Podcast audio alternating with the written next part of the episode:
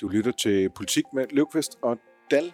Øh, normalt vi vil jo sige podcasten, man lytter til, hvis man forstår humlen i dansk politik, men vi optager så tidligt på formiddagen i dag, onsdag, øh, at vi altså er gået på kaffen i stedet for. Ja, det vil simpelthen være for voldsomt. Og jeg har ikke lige nået at tænke igennem et eller andet bønnebillede, eller hvad det så skulle være. Noget med bønder og stor bededag.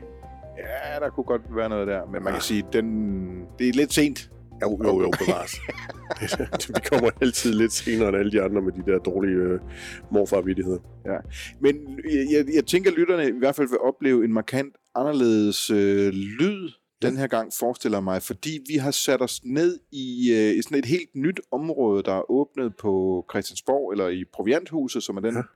del af Christiansborg, som, som pressen sidder i. Øh, helt ned i stueetagen. Det, jeg tror, det er Rigsarkivets gamle læsesal, Ja. som er blevet tilføjet Christiansborg, og, og der er blevet lavet sådan et enormt stort loungeområde, hvor der er sofaer og kaffemaskiner og dansegulv. Altså, jo- ligner det. det Øh, kunne, kunne det jo i hvert fald udvikle sig til. Øh, vi var jo blevet proppet ind i sådan et lille kosteskab, og der måtte vi jo også meget konstatere, at vores egoer var for store til at være derinde. Så nu har vi, nu har vi fundet et rum, der ligesom matcher det. Og må man sige, i betragtning af, hvordan øh, ikke bare pressen, men, men, men, men, også politikere og ansatte sådan virkelig er blevet øh, klemt sammen på Christiansborg nu her, hvor der er kommet flere partier ind og så videre. Vanvittigt ødsel med, med plads, vi sidder i hernede, må man sige. Der er god plads. Der kom Sascha Faxe fra Alternativet lige. Der er god plads og bløde stole. Ja. Jeg sidder i en sofa. Jeg sidder i, øh, er det ikke øh, Veners Tivoli-stol? Det tror jeg, du har ganske ret i. Dejlig stol at sidde i. Mm. Øh, nå, vi skal i gang med at snakke om politik, selvom vi ikke drikker øl. Ja. Øh, vanvittigt koncept øh, at give, begive sig ud i, men, men nu prøver vi. Øh, de ting, vi, øh, vi snakker om den her gang, de tre emner, vi har valgt ud, det er øh, det, der sker i Nye Borgerlige, øh, selvfølgelig. Øh, så kigger vi ned i øh, Venstre, Mm. øh, og hvordan partiet har det med at være i, i den nye regering, og især baglandet, øh, i hele stor bededagsafmål særligt. Øh, og så skal vi en tur omkring øh, Ukraine, Med dig som rejseleder. med mig som rejseleder her.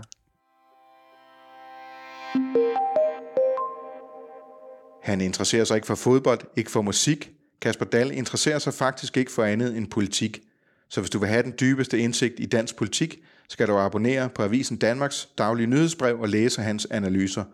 Gå ind på avisendanmark.dk og meld dig til. Lukvist, der faldt jo to bomber i dansk politik i går. Øh, den, ja. ene, den ene står du for. Det er jo... Og så er der tre faktisk, for det, nu... nu øh, men men, men øh, Nå, så glæder jeg mig til at høre, hvis du vil snakke om mig, så gå endelig i gang. Nej, jeg vil jo bare lige venligt informere lytterne om, at, øh, at nedtællingen er jo øh, gået i gang. Det her, det bliver sandsynligvis Kasper Løvqvists øh, næst sidste podcast i det her skønne setup. Fordi du jo øh, har valgt at skifte arbejdsgiver. Ja. Du vil til Zetland. Ja. I stedet for Avisen Danmark. Som Det- Christian Madsen skrev på, på Twitter, det er næsten som hvis uh, Inger Støjberg havde meldt sig ind i Alternativet. Ja. Uh, det synes jeg er et, vold- et voldsomt billede, men jeg kan godt forstå dynamikken i det. Ja, men det, jeg, jeg har liket Christian Massens øh, øh, billede der. Jeg synes, det var meget præcist øh, sat, men øh, podcasten fortsætter selvfølgelig i en eller anden form, når vi har fundet vores øh, ben at stå på og øh, har, har genfundet noget livsglæde og noget livsmod, efter at, øh, at du vælger at forlade os. Og ellers så var den anden bombe... Ja, Jeg, jeg tænker, hvis nu den, øh, den der, der bliver en periode, eller et eller andet med, jeg synes, du skal finde en måde at gøre det på, så den skal hedde politik med diller og daller. Du må finde en, der kan bære navn diller. det er modtaget. Nå, Det, det, jeg glæder mig til at følge øh, den kreative idéudvikling folde, folde sig ud over Zetland fremover. Øh, Lukvist, den anden bombe, jeg ville bringe til bordet, det var jo, øh, det var jo Mikkel Bjørn Sørensen, der, ja. der smed en bombe over i øh, Nye Borgerlige, altså det nyvalgte folketingsmedlemmer og tidligere formand for deres ungdomsorganisation, der ikke længere vil, vil være en del af øh, partiets øh, fremtid, når øh, Lars Bøge Mathisen ser ud til at skal stå i spidsen for det, men at han i stedet for vil en tur over til Dansk Folkeparti. Ja. Men så havde du en anden bombe, eller hvad? Ja, men det var jo... Øh, det, det var jo... Øh, ej, det var det Centrumdemokraterne, der genopstod. Nå, okay. Øh, det, det, øh, det fik mig til at spærre øjnene op. Ja, det er øh, rigtigt. Det er rigtigt. Men, jeg tænkte, hvad pokker sker der her? Men øh, det snakker... Altså, den, det kommer vi ikke til at snakke mere om nogensinde, tror jeg. Det tror jeg heller ikke. Det kunne tage med. I kan snakke om det over i Sætland, over Sætland. Der kan I snakke lidt om Centrumdemokraterne, og hvad de har været betydning for dansk politik fremover. Ja. Ny Borgerlig. Ja. Det var jo øh, noget af en øh, detonation, der, der skete der, og at... Øh, altså det, det er jo efterhånden svært at se, hvordan øh, Lars Borg Mathisen han kan, kan samle stumperne af det, der efterhånden er tilbage. Ja, fordi altså, nu, nu, nu kan vi godt kalde den Lars Bøge Mathisen bliver formand for Nye Borgerlige. Ja. Øh, og jeg kan huske, at vi snakkede om det første gang, øh, der havde vi jo Mikkel Bjørn inde i billedet, også fordi vi vidste, at han var i gang med at afsøge mulighederne øh, for, for, for, for om, om, hvilken rolle han kunne komme til at spille i hvert fald. Ja. Øh, og, og vi var inde i den der med, at det, det, det, det, det, det vil blive afgjort af, hvordan de ligesom fik lavet en magtdeling.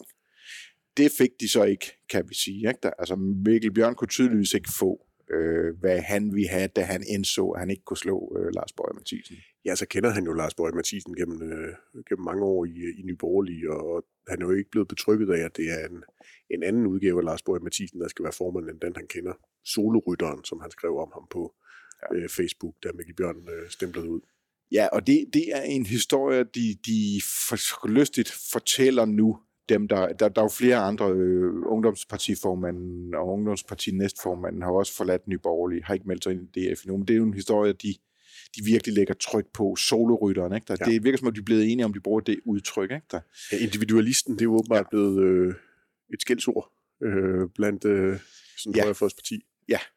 Øh, det er så, altså, når man, når man taler med folk, som kender Lars Borg Mathisen helt tilbage fra hans indtræden i øh, politik, og det var jo i Liberal Alliance i øh, byrådet i Aarhus øh, for en del år siden. Det, det, altså, det, det, det, det er et billede, der ligesom er konsistent med, med, med, med folk, der kender ham langt tilbage, hvor, hvor han rodede sig ud i, altså der, dengang forsøgte han at kubbe Ole Birk Olsen som spidskandidat i Østjylland, og han øh, allerede mens han stadigvæk var byrådsmedlem, og Liberal Alliance var, var virkelig godt kørende, øh, og havde Anders Samuelsen som, som formand. Allerede der begyndte Lars Borg Mathisen faktisk at snakke om, at øh, han skulle være formand for partiet på et tidspunkt.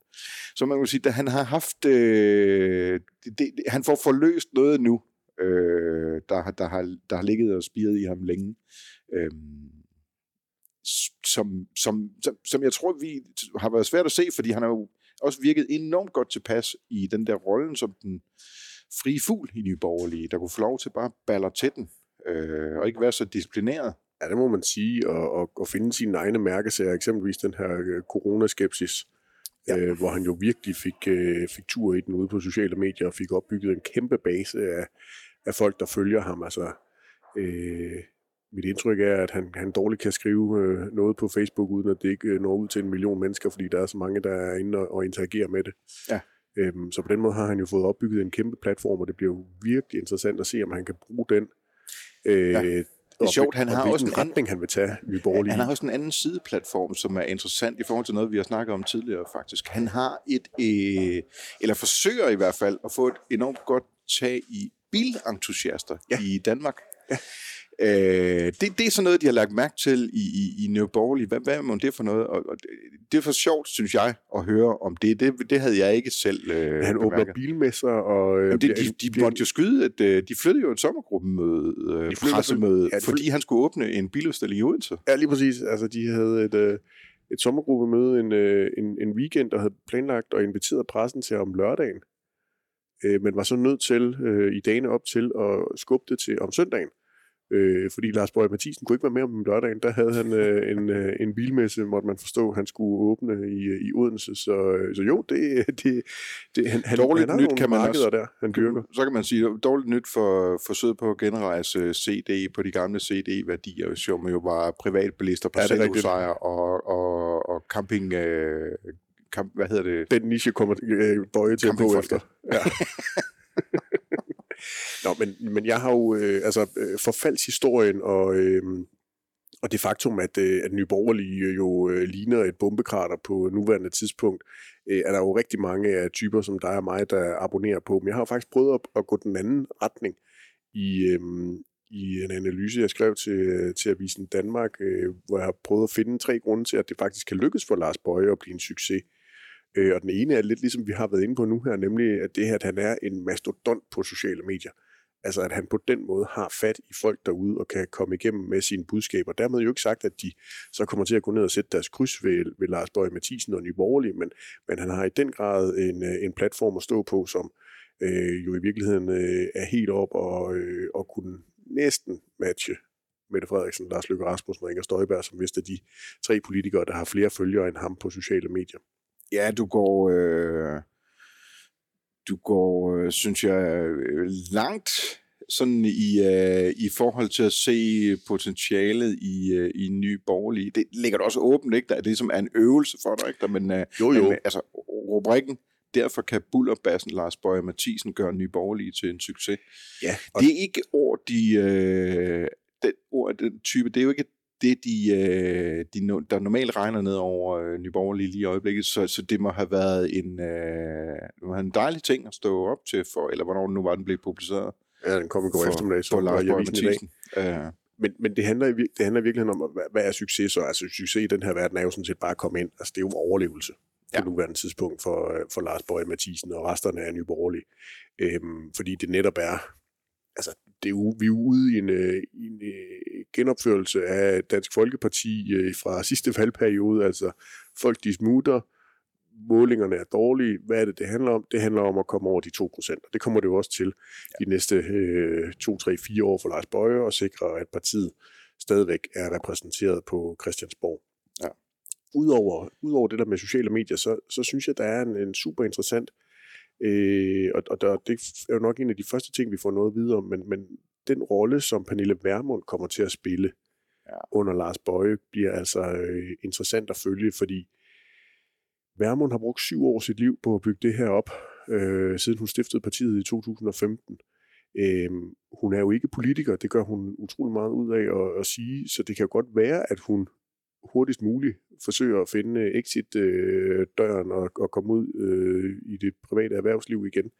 Mit indtryk er, at hun at hun godt vil, vil blive herinde i en rum tid endnu og forsøge at se, om hun ikke kan sikre, at, øh, at partiet om ikke andet så øh, har bedre overlevelseschancer, end det ser ud til på nuværende tidspunkt. Altså hun gerne vil have en eller anden platform, hun kan, kan stå på, sådan at man, man stadigvæk i Nye Borgerlige har de der såkaldte to ben, altså øh, kukuk-segmentet, hvis vi kan kalde det det, altså det, som Lars Bøje tidligere har repræsenteret, meget øh, øh, coronaskeptiske og liberalistiske, og så det mere nationalkonservative og, og indflydelsessøgende, som Pernille Vermund har, har repræsenteret, men, men at rollerne så bare bliver byttet om, sådan at det er, er Lars Bøje-fløjen, er der, der, der har formandsposten, og, og Vermund, der så er, er anden violin i, i den her valgperiode, men så man stadigvæk har den balance i partiet, er mit indtryk, at Vermund gerne vil forsøge at se, om hun kan bevare. Og hvis Lars Bøje kan formå at holde hende og holde dem, der abonnerer på, på Værmunds linje i, øh, i folden, er det også noget, der, der gør, at han har bedre muligheder for at blive en succes. Jeg vil sige, det er det af dine tre punkter, det er der, øh, hvor jeg øh, nok er mindst optimistisk på, på, på deres vegne. Altså, øh, Pernille Vermund har jo netop øh, lagt enormt stor energi i, og, og, ligesom, en, en ting er at give Lars Bøje fri på sociale medier, og til ligesom at være... Øh, være, være, være den vilde, den vilde bullerbasse i partiet. Altså hun har jo været meget øh, stålfast på at flytte partiet ind mod midten, og de der ultimative krav, de har snakket om. Øh, Ufravigelige krav. Ufravigelige krav, ja. Øh, Det kan være, de bliver ultimative med Bøje. har de stadigvæk talt om, men, men internt har de jo i virkeligheden lagt dem til side. Øh, altså det, det øh, og- den der med, om hun bliver, øh, jeg bider mærke i, at hver gang hun bliver spurgt om det, så svarer hun, at hun bliver, men på en måde, som vil gøre, at, øh, at øh, der er altid den der lille åbning Ja, ja. øh, som man kan høre i politikere, der ikke er sikre på, øh, hvad de vil. Jeg vil blive, personligt vil jeg blive meget overrasket, hvis hun øh, sidder perioden ud. Jo, men det er jo også den åbning, der nogle gange er, når man spørger gode kolleger, om de kan se sig selv være på arbejdspladsen i det næste stykke tid. så svarer de jo altid lidt, jo, jo, jo, bum, bum, og sådan noget. Og så hvis der kommer noget... Det kan jeg lige så godt sige sammen, det kan jeg ikke. Nej, okay. ah, spøg til side. Jeg synes til gengæld, at dit tredje punkt er, er, øh, er, er meget præcis. Det er der, potentialet ligger for Nye Borgerlige. Ja, og det tredje punkt, det er den, jeg kalder rendyrket protestparti, tror jeg. Altså, at øh, vi har Danmarksdemokraterne, vi har tre højrefløjspartier, Danmarksdemokraterne, Dansk Folkeparti og, og Nye Borgerlige i min verden, og de to af dem, Danmarksdemokraterne og Dansk Folkeparti, går enormt meget ud af, at de gerne vil ind og være pragmatiske, de vil gerne ind til nogle forhandlinger. De, de har taget gerne... meget klare strategiske valg Lige der. ikke? præcis. Inger Støjberg siger øh, skørhedsfaktor 0, og DF siger, at vi har droppet øh, de vildeste udlændingekritikere og EU-kritikere, fordi de får svære at have med at gøre. Ikke? Der. Ja, dem har de ligesom overladt til Ja. øh, Nye Borgerlige, hvis Lars Bøge Mathisen vil samle dem op. Øh, og, øhm, og der tror jeg, der kan være noget potentiale for ham der, hvis han har, øh, har mulighed for at, øh, at kunne rumme det i, øh, i Nye Borgerlige. Og øhm, om det så er nok til at skrabe øh, 2% øh, sammen, det må, det må tiden jo ligesom vise. Men det der, det der med at, at, at køre ren protest og være fuldstændig ligeglad med politiske forhandlinger og politiske resultater, det kan der godt være et marked for. Ja, og det er der, han ligger. Det er også der, vi så, det er jo den måde, vi så ham i øh, åbningsdebatten mm. i, i Folketinget. Den måde, han stillede spørgsmål til og bullerede løs på, øh, på det, jeg så. Det var især Ellemann, ikke? Der for, for at have løjet. Altså, du, hele tiden vælger den skarpeste formulering og den... Øh, sådan, det er det mest brut, den mest brutale konfrontation, han kan, kan, kan få øje på. Øh, man skal passe på, fordi politikere øh, er jo lidt følsomme med sådan nogle sammenligninger, men, men, men, men, men, men, øh, men, men Lars Bøge har jo potentiale for at trække på sådan nogle Trump-lignende kræfter. Det må man sige. Jeg skulle til at kalde det for populistiske tilgang i den der øh, Ja. den, den linje, han ligesom lagde for dagen øh, i, Ja. ja. i åbningsdebatten. Øhm, og, øh, og ja, det er jo det, det er nok det tætteste, vi kan komme på Trumpisme. Altså, hvad, Øhm. hvad der har været af øh, folk, der har sammenlignet politikere og politikere, der har sammenlignet hinanden med, med, med Trump indtil nu, øh, det kan vi godt pakke væk. Mm. Øh, det vil komme til at vise sig, at, øh, at det, det, at det, det er vanvittigt at tale om, om at, at tale på den måde, fordi nu kommer vi til at se den ægte vare. Øhm, Men du kan jo heller ikke få Peter Hummelgaard, justitsministeren, til at sige noget af den slags længere, ligesom du heller ikke kan få Sofie- Løde til at sige noget af den slags længere. Altså, det vil de jo overhovedet ikke være med til jo. Nej. Nu er der jo alt, der er fryd og gammel mellem øh, de Ja. ja. gamle fjender. og, Nu skal vi ud på fløjen for at finde ja. den slags ting. Og der må være et, der må være et, et, et, et, et vælgerpotentiale der i en vid udstrækning. Jeg tror så ikke på, at det er lige så stort, som man, som man kan finde i USA, som, som man kan finde i Storbritannien i forhold til det hele Brexit-tingen, og til en vis grad Boris Johnson, ikke der? Lidt det der gule veste i Frankrig, øh, er fordi jeg, det er i hvert fald min tese, at danske politikere, de er enormt gode til at vejre de der stemninger ude i, i verden, og, og tage, ligesom, øh, tage brøden af dem herhjemme. Ja. inden de får fat, ved ligesom at, at inddrage øh, Men, men, i højere grad. Altså på hele provinsdagsordenen, synes jeg ja, faktisk er en, en, en, en, øh, en del af den dynamik, altså, som blev sat i gang med det gule Danmark dengang, og DF store valgsejr. Ikke, der, øh, Helt enig, og jeg har jo længe abonneret på øh, analysen om, at, at de tre partier er i hvert fald et for meget, øh, og der er nødt til at blive, blive skåret et væk på et eller andet tidspunkt i løbet af den nærmeste politiske historie. Og der er Nye Borgerlige jo med formandsskiftet den mest oplagte kandidat. Ja. Øh, fordi det virker til, at Støjberg har fundet en eller anden form for base og fundament meget hurtigt. Hun svinger ikke ret meget i målingerne øh, selvom der er forholdsvis tavst fra Danmarksdemokraterne, og Messersmith virker til at have fundet en, en god, høj bølge, han, øh, han nu kan køre på her i, i 23, efter at 22 var et, øh, et virkelig forfærdeligt år for ham. Så han, lige han sidder ligesom bare skraber til sig nu, Ja, ja, der så- med, ja, med Mikkel Bjørn og Mette med, Thiesen, med der Thiesen kommer lige om lidt. Hun tidspunkt. øh, deltager allerede i nogle af deres gruppemøder og så videre, Yes. så det skal nok komme. Ja, så, så, så altså, lige, nu, lige nu er det det Nye Borgerlige, der, der er det, det tætteste på at, øh, at være det parti, der, der taber armlægningen mellem, øh, mellem de tre her. Ja, til gengæld er de så også det parti, der kan skabe sig, der, der har potentiale for i højere grad at skabe sig sin sådan helt egen identitet. Fuldstændig. Øhm, så spørgsmålet er bare, hvad de kan bære, ikke? Der, og om sådan en som Lars Bøje, han brænder sammen på et eller andet tidspunkt, når han bliver nummer et. Eller at det smuldrer. Altså, at nu Ja. har de brugt syv år, Organisationen kan præcis, de har brugt- falde fra hinanden. de har brugt syv år på at bygge organisationen op. De fik et øh, fint kommunalvalg med en 50-60 øh, lokale, der blev valgt ind, og de førte nogle lokale valgkampe ved kommunalvalget, og de var i gang med at bygge det op. Forsvinder nogle af de her Altså, byråderne er jo allerede begyndt at sige Nemlig. fra partiet, øh, før Pernille Altså, Wermund faktisk... Øh, er der så mere tilbage at bygge på? Det, det, det, det, må kun, det kan kun tiden vise, kan man ligesom sige. Øh, jeg, kan, jeg er med på, at det, er en øve, det var en øvelse for dig at, at se optimistisk på, på, på Nye Borgerliges potentiale. Øh, jeg synes, i, i, i virkeligheden vil jeg nok øh, ligge til den decideret pessimistiske side, men, men altså, vi har først set det, det ville jeg også have gjort med Alternativet, så Ja, ja, men Alternativet er jo et glimrende eksempel på, hvordan man kan lægge en hel valgperiode under spærregrænsen, for så, så lige at poppe op til sidst.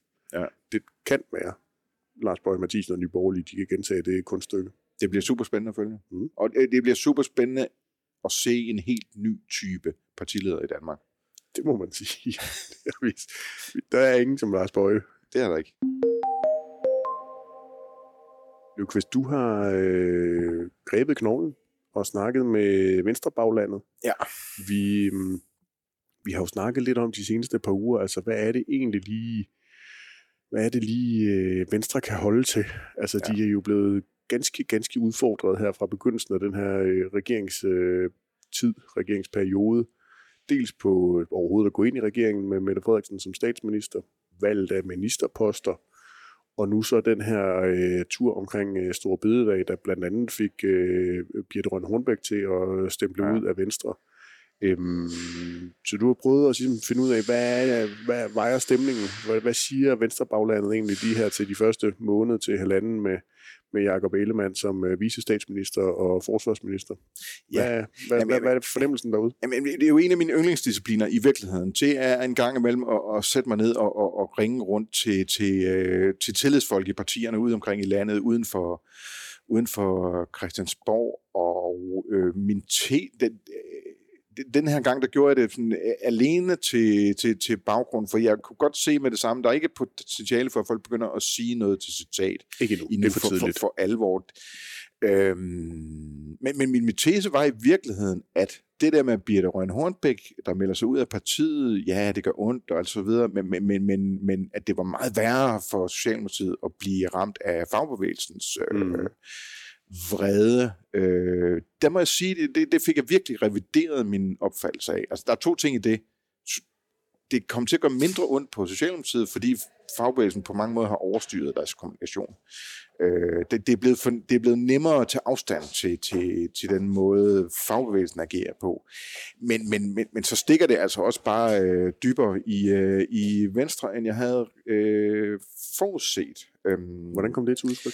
de har et, de har for nylig, øh, var det forrige uge, øh, jeg kan ikke lige huske datoen, havde de sådan et stormøde for Venstre baglandet. Dem, der sidder i, i hovedbestyrelsen, og det er jo kommuneforeningsformand og regionsforeningsformand og borgmestre, og det er, det er en samme type møde, som Socialdemokratiet en gang, en gang imellem har. Jeg tror, de kalder det borgmesterfora.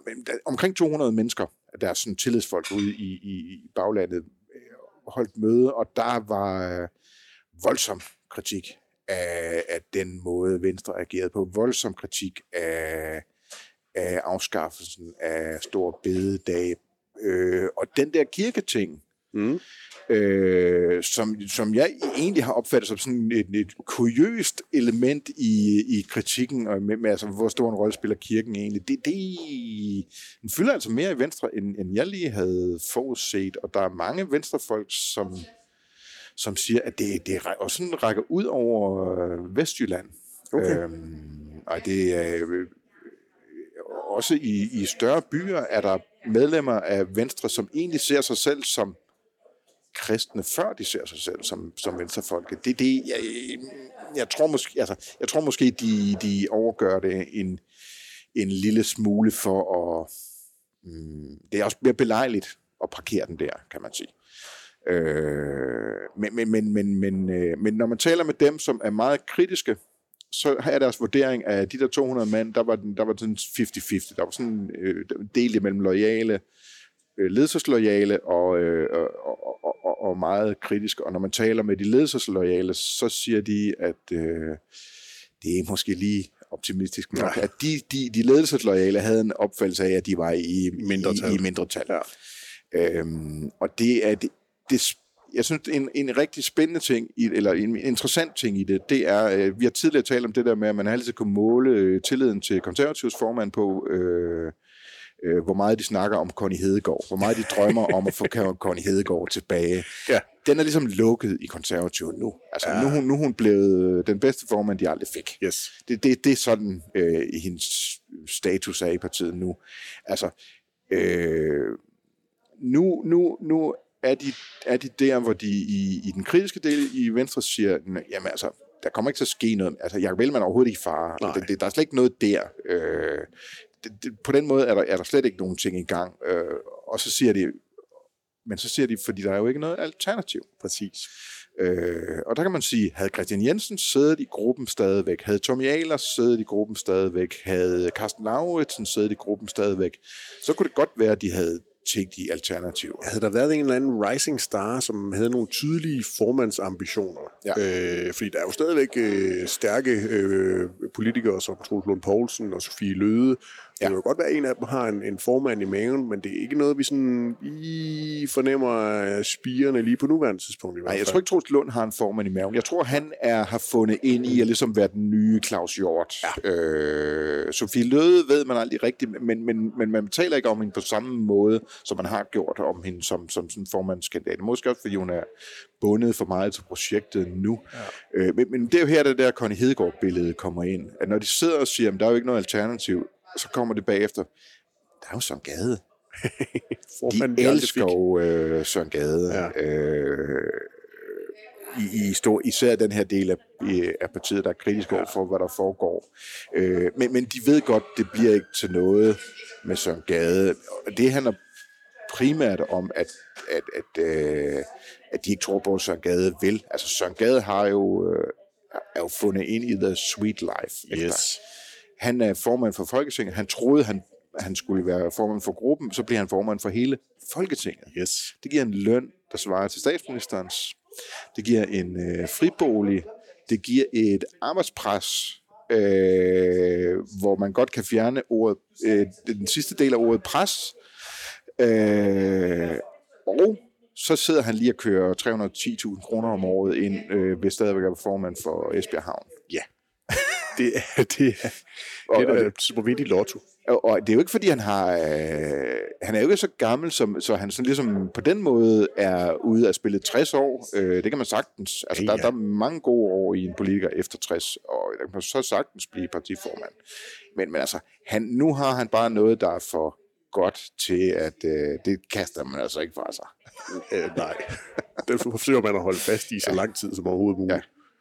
Ja, og så tror jeg... Så det, der, det, der, det der jo i virkeligheden uh, siger, det er, at Ellemands øh, bedste livsforsikring på nuværende tidspunkt, det er, at det selvfølgelig er alt for tidligt at begynde at, øh, at gøre regnskabet op for... Fraværet af profiler og Søren Gades sweet life. Yes, og så det, at der simpelthen ikke er nogen potentiel afløser. Altså, ja. der, der er Jacob Ellemann, og de er nødt til at holde fast i Jacob Ellemann, indtil det enten virkelig kører helt ud over kanten rent politisk og i meningsmålingerne, ja. eller til, at der på en eller anden måde opstår... Øh, en kronprins, kronprinsesse, hvad, ja. hvem det nu bliver.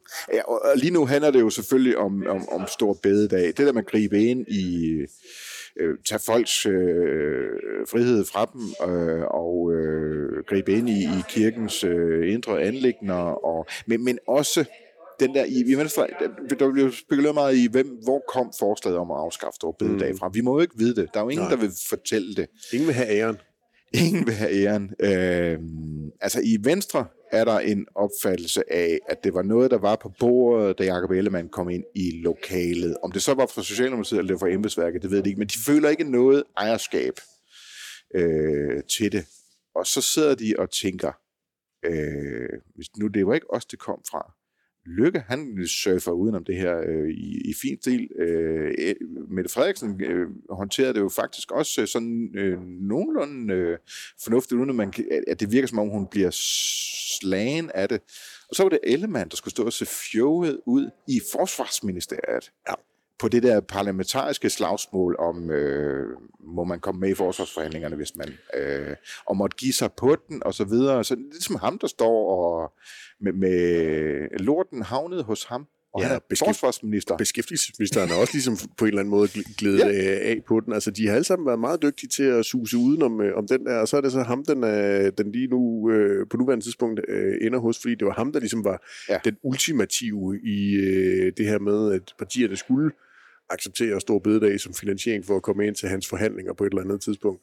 Ja. Det, var, det var det, der var det modbydelige jo. Ja. En ting er selvfølgelig at fjerne det. Det er der sikkert rigtig mange, der nu godt har, har forstået, at det, det skal nok komme til at ske. Men så det der, den der magtudøvelse og magtfuldkommenheden, der lå i at begynde at, at stille ultimative krav, før man kommer ind i et uh, forhandlingslokale. Ja, det element, der er blevet billedet element. på det, og han kommer skidt ud af det. Ja. Samtidig med, at Socialdemokraterne går, sådan går og snakker om, at han, han, han gik måske også lige langt nok. Ja, ja. Altså, du ved, det, det, lige der øh, tager de faktisk ikke medansvar for alvor, selvom de var... Øh, øh, inden var sådan ret forbenet på, at det var en rigtig god idé. Det og så den rigtig onde udlægning er jo så, at når der så skal ryddes op efter Jacob Ellemann, så er det Nikolaj Vammen, der får øh, fornøjelsen af det, fordi nu er det over hos Vammen, at der kører kaffemøder om, øh, om finansieringen af, af forsvar. Men, ja, det, det er jo blevet resultatet af det der, ikke, at når forsvarsforhandlinger de er gået i gang, ikke, der, øh, så starter man med at snakke om finansiering. Ikke, over hos finansministeren, sammen med Troels Lund, ja.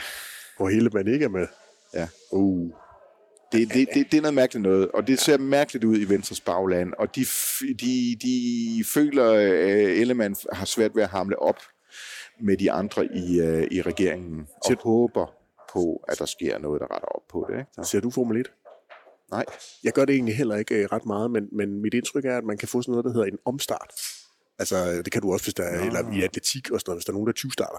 Og det er jo egentlig ikke, fordi der er nogen, der er 20 startet her i, i regeringen, men jeg kunne godt forestille mig, at Ellemann hvis jeg nu sidder sådan en eller anden sidder der, en øh, aften og, og lige tænker... I, regeringsledelsesudvalg, der kan finde på at sige, kunne vi overveje en omstart? Kunne vi lige, kunne vi lige få en omstart her? Fordi jeg kunne godt tænke mig at komme lidt anderledes fra land. Det, det tænker jeg. Ja. Altså det, det er, til gengæld så hører jeg hos Socialdemokraterne sådan en øh, accept og en forståelse for, at, at det kan ikke blive, altså på et eller andet tidspunkt, så, så, så skal de vise sind de skal, de skal, de skal, Ellemann skal have noget, øh, han kan flage som sejre, og, og det, det er noget, der bliver nødt til at gøre ondt på Socialdemokratiet, for det virker. Jo, jo, jo, jo men, men, men, men det er jo rigtigt. Det, det, det, det kan man snakke om. Det er svært, langt svært at gennemføre. Det, det, det, det hører jeg også, og man kan sige, Lykke er jo så driftsikker. Han sidder allerede i flyveren og giver den fuld gas som øh, udenrigsminister og, og fyrer den max af. Det bliver en, en fornøjelse at følge ham på den post. Men spørgsmålet er jo, hvor meget Socialdemokraterne, altså hvor mange støttehjul kan Socialdemokratiet give Ellemann? Ja. Altså på et tidspunkt skal han jo også lære at stå selv. Jo, jo. Og spørgsmålet er også, hvad den langsigtede strategi for Socialdemokraterne er. Jeg tror, det er, øh, altså hvis vi snakker helt på den anden side af, af, af næste valg, øh, jeg, jeg, jeg tror, det er at blive inde på midten på den der måde. Mm-hmm. Men at det ikke, altså, det er ikke afgørende for dem, hvem der er med Nej, inde på midten. Altså, øh, er det konservativ og, og, og radikale næste gang i stedet for venstre, fordi de øh, kommer forslået og og haltende ud af det her, så kommer det ikke til at genere Socialdemokraterne. Så det, det, det er måske i virkeligheden den dårlige nyhed for, for Ellemann, at, at så store gaver skal han nok heller ikke forvente at få. Helt, helt enig. Altså, han er nødt til at... Øh, han skal tage dem. Han skal tage dem, og han er nødt til at stramme sig an, og han er nødt til at, øh, at, at komme op i gear, komme op i tempo, og øh, altså, du kan, du kan ikke blive ved med at køre på den måde der. Nej. Så bliver de også trætte af det, Socialdemokratiet. Ja, men til gengæld må han også, øh, altså, at det, han er ude i sådan alt eller intet situation. Øhm, der er jo det, Inger Støjberg var jo ude med den der melding om, at Venstre vil være velkommen tilbage i den blå blok, men øh, Ellemann, han kunne godt... Øh, han kunne godt få lov at blive også over hos, øh, over hos Socialdemokraterne, eller eventuelt øh, radikale og gå i rullekrav og hvide sneakers øh, hver dag. Ja. Ikke der? Ja. Øh, altså det, det, det, det, øh, det, det, det, sådan behøver det jo ikke at være. Nej. Men, men, men, men det er udbredt i de andre partier, at ja, Venstre kan godt komme tilbage, men øh, eller man skal ikke forvente at blive statsminister på deres, øh, på deres stemmer. Så han har ligesom, øh, altså det skal lykkes for ham det her, ikke? Det er, det er dybest set hans politiske liv, der er på spil i den her regeringsperiode. Øh, det kan være svært at se noget efterfølgende, hvis ikke det lykkes, og det bliver en succes. Øh, så altså, motivationsfaktoren må være i, uh, i top. Ja, så må vi lige se, om kompetencefaktoren den også kan arbejde sig deroppe af. Ja, det, det som jeg ser det, så, altså, jeg, jeg forestiller mig, at han skifter ministerier på et eller andet tidspunkt i perioden, og ligesom går ind og sætter sig på noget, noget tungere, men, men ja, jeg ved ikke. Det må tiden vise, Lukas. Hvis nu det ikke havde været formiddag, Ja. og vi havde siddet og drukket kaffe, så havde vi jo øh, drukket øl. Åh oh, ja, det er rigtigt. Hjemtaget fra Ja. Ukraine, Ja. fra en tankstation mellem øh, Mykolaiv og Odessa. Ja. Der gjorde du lige pitstop. Det gør jeg pitstop, ja.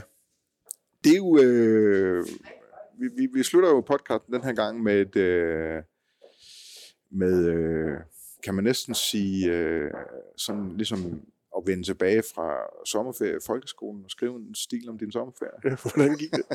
For det er fordi, du har været på tur jo. Ja. Du har været ude og se noget andet end, øh, end de her tykke mure på Christiansborg. Du har været ude i øh, den virkelige virkelighed sammen med udviklingsminister og minister for global klimapolitik. Er det Ja, det? jo. Dan Jørgensen. Ja. Der var du i, øh, i Ukraine i forrige uge og, øhm, ja. Og se på, hvordan øh, Danmark kan bidrage til genopbygningen af Ukraine. Og det virker jo sådan lidt mærkeligt at tale om det, og, øh, imens der stadigvæk er et stor diskussion om, hvorvidt der kan komme kampvogne til Ukraine, og hvordan man kan fortsætte en krig. Men, men genopbygningsarbejdet er også noget, der er i gang med at blive planlagt, må man forstå. Jamen det er det, øh, og det er jo efter ønske, øh, meget stærkt ønske fra, fra Ukraine, altså da vi havde, eller da, da Zelensky talte for øh, Folketinget i, hvad var det, var det slutningen af marts øh, sidste Ja. år? Øh, der, der kom han jo med en direkte appel til de danske politikere om øh, at tage et særligt ansvar for den by, der hedder Mykolaiv, som er en af de store byer i Ukraine. Den er på størrelse med Aarhus og Odense slået sammen lige i underkanten af 500.000. Det er sådan en skibsbyggerby, øh, der som så mange andre skibsbyggerbyer har været sådan synet lidt hen de sidste 20-25 år, fordi det der marked for øh, værfter og store nybygninger, det er primært flyttet til Østen, men, men også Polen. Øh, så de har faktisk lidt det samme skæbe som, som, som, som Danmark på den måde, hvor, hvor vi jo lukkede Lindøværftet for, for, for en del år siden. Øhm, men, men Danmark har så til gengæld bevaret den der know-how omkring mm. produktionen og teknologien i det, og, og det blev en stor eksport øh, ting for Danmark. Så øh, altså, det en af tingene, det er, at de mener, at Danmark kan hjælpe Mykolaiv med at komme op igen i, øh, i sådan øh, værftshenseende. Øh, og så, altså, og, og det er netop det der fokus på, krigen slutter på et Mhm. mm. tidspunkt. Øh, og hvis man først går i gang med at bygge op, øh, når, når den er slut, så, så, lang starter, ja, så, starter man, Ja. så, så starter man for langt bagud.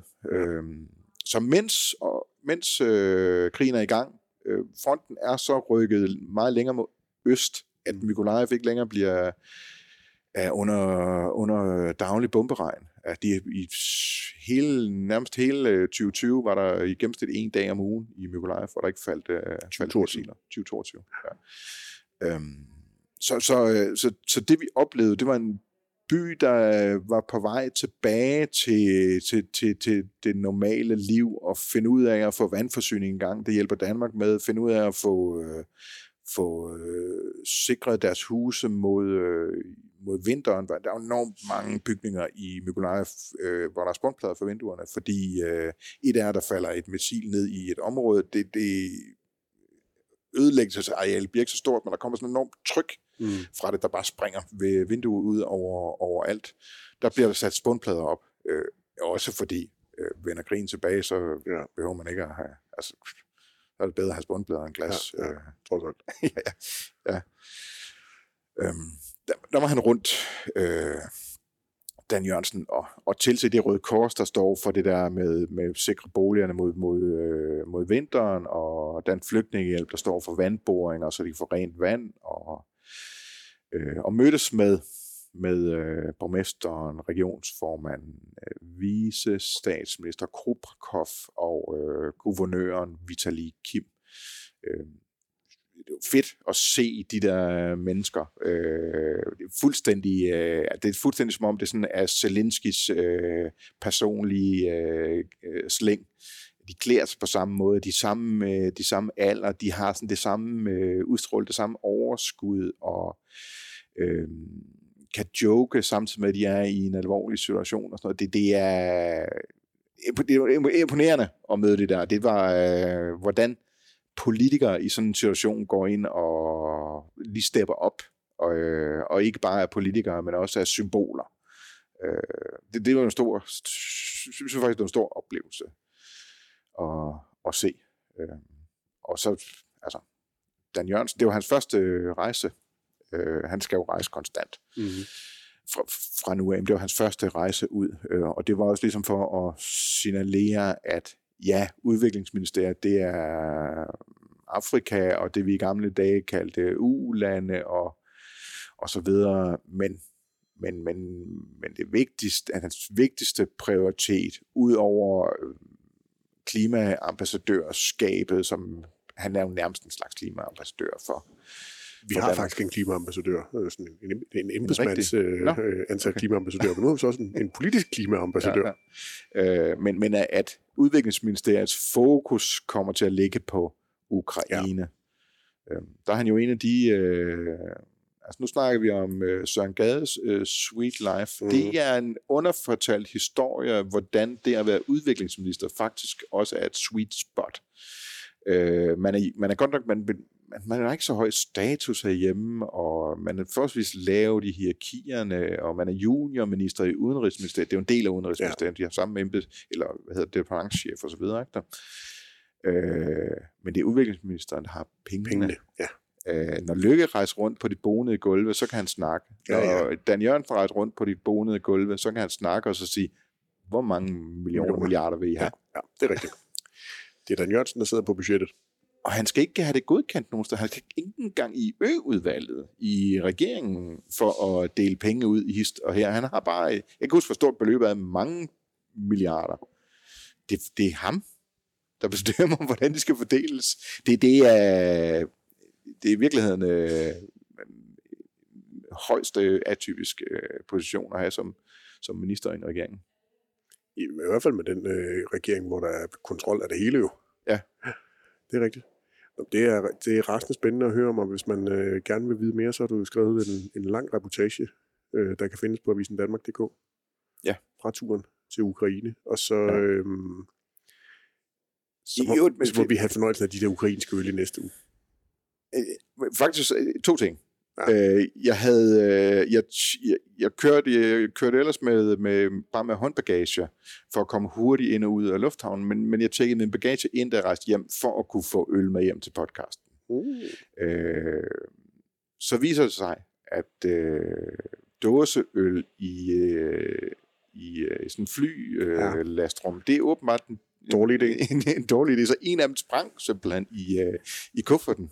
uh, men der er stadigvæk en tilbage. Uh, så der er ukrainsk øl til, uh, til næste gang, som så bliver vores uh, sidste. Ja. Så en anden ting. Jeg skal lige have et lille element med af det der med, uh, sådan gik det i din uh, sommerferie. Ja. Det, den største oplevelse for mig, det var at køre kortegekørsel. Vi uh, fra Moldova ind over grænsen og uh, fordi, forbi øh, Odessa og, og, og ind til Mykolaiv. Altså, det var sådan noget, det var, der, der var sådan lidt drengedrøm over det for mig. Øh, jeg, jeg har en film, jeg elsker at se igen og igen, som hedder Sicario, øh, hvor man ser cortege-kørsel fra øh, USA og ind over grænsen til, til Mexico, sådan filmet med en drone. Jeg, jeg elsker de der billeder af de der biler, der kører tæt og har buller igennem det hele. Ikke? Det var den oplevelse, jeg havde af at sidde i den der cortege med, med PET-agenter i, øh, i sådan nogle øh, armerede Toyota Land Cruiser, øh, og udrykning foran og bagved, og man ligesom kørte i, på, på, på, på midten af vejen. Mm. Og så øh, holdt der simpelthen bare biler ude i siderne, øh, der, der var kørt, kørt til siden for, at den her cortege kunne komme igennem. Og det var jo timevis, vi kørte på den der måde og i, og i høj fart. Øh, det var, det er sådan en, øh, det, det, det, der var noget drengedrøm over det. Det var bare fedt at være, at være en del. af, at sidde midt i det.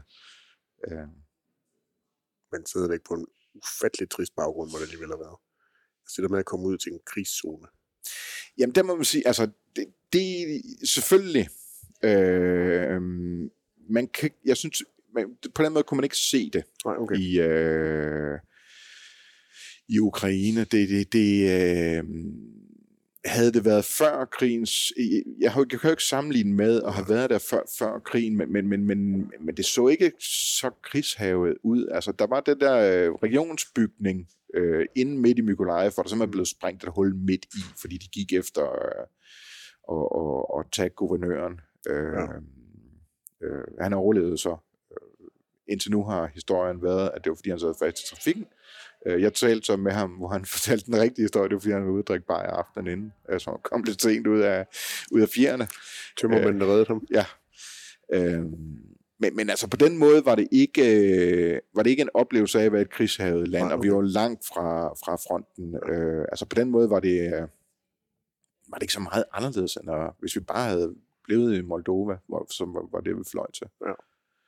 Øhm, Så jeg kan ikke, øh, jeg kan ikke prale af, at have, eller hvad man nu ville gøre af at have været tæt på, på krig i Europa. Det føltes ikke sådan faktisk. Okay. Ja. Derfor kunne jeg også øh, nyde det på en anden måde og, og køre kortegekørsel, der bullerede igennem. Modtaget. Jeg glæder mig til den der ukrainske øl, der har været udsat for lidt af hvert, må man sige. Ja. Det bliver godt. Vi kan jo ikke, når vi skal drikke den, så kan jeg, vi kan ikke fortælle noget om, hvad det er, fordi der øh, Det tager vi næste uge. Ja. Det tager vi næste. Ja, Det bliver en cliffhanger. Okay. Det bliver en cliffhanger. Og øh, Kaffen ja, er for længst sluppet op. Kaffen er for længst Ja, sluppet ja, op. ellers var det noget Ja. koldt også. Ja. Næste sidste udgave. Det sidste udgave. Politik med Løvqvist og Dal. Ja. Uha. Tusind tak, fordi I lyttede med.